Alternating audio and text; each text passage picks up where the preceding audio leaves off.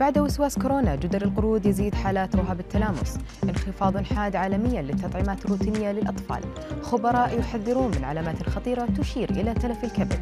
فاكهة التوت الأزرق تخفض السكر في الدم. أبرز أخبار الساعة الأربع والعشرين الماضية في دقيقتين على العربية بودكاست. تسبب تفشي كورونا في ارتفاع أعداد المصابين باضطراب الوسواس القهري في العالم حيث تنامى الخوف المفرط من التقاط عدوى كورونا وفقا لما أكدته دراسات طبية عديدة. ومع انحصار كورونا نسبيا وتأقلم الناس مع وجوده اتجهت الأنظار لكيفية جعل الناس يتخطون وسواس كورونا. إلا أن المفاجأة كانت بعودة ظهور فيروس جدري القرود. الأمر الذي أعاد للأضواء أحد أنواع الفوبيا غير الشائعة وهي رهاب التلامس. بحسب اختصاصيي علم النفس فإن المصاب برهاب التلامس يخشى من لمس أي شخص آخر له حتى ولو كان هذا الشخص من العائلة أو الأصدقاء. ولكن انتشار فيروس جدري القرود أدى لظهور حالة جديدة من هذه الفوبيا تبرز فقط عند ملامسة الغرباء. أعلنت منظمة الصحة العالمية واليونيسف الأسبوع الماضي أن التطعيمات الروتينية للأطفال على مستوى العالم قد انخفضت بشكل حاد منذ عام 2019 وهو أكبر انخفاض مستمر منذ 30 عاما.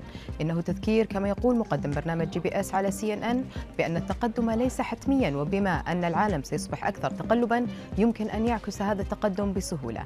كما استمر التطعيم العالمي في الانخفاض عام 2021 مع فقدان 25 مليون طفل للقاحات المنقذة للحياة. بزيادة قدرها مليونين عن عام 2020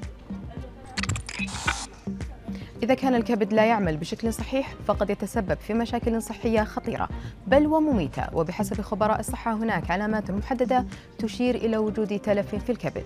وفق تقرير نشره موقع إذ ذات من أبرز العلامات وفق لعيادة كليفلاند احتباس السوائل فهو من أكثر الأعراض شيوعا لتلف الكبد ويعاني منه حوالي 50% من المصابين بتليف الكبد وهو أشد أشكال أمراض الكبد حيث يحل النسيج الندبي محل أنسجة الكبد السليمة. ثانيا اليرقان أي إصفرار العينين أو الجلد وهو علامة أخرى شائعة لتلف الكبد.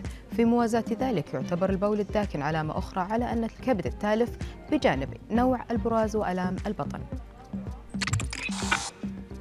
كشفت دراسة طبية حديثة أن عصير التوت البري الأزرق يخفض نسبة السكر في الدم بحوالي 35% ما يمنع المضاعفات الخطيرة لدى مرضى السكري. ولفتت الدراسة التي نشرتها المجلة الدولية للسمنة في كندا إلى أن هذا العصير يخفض نسبة السكر لدى مرضى السكري من الفئة الثانية الذي ينتج عن خلل في طريقة إنتاج الجسم للأنسولين. كما أوضحت أن الدور الأساسي للأنسولين يتمثل في تنظيم نسبة السكر في الدم وأنه في غياب الأدوية المناسبة يمكن أن يرتفع السكر في الدم إلى مستويات خطيرة وفق ما نقلته صحيفة ديلي إكسبريس البريطانية.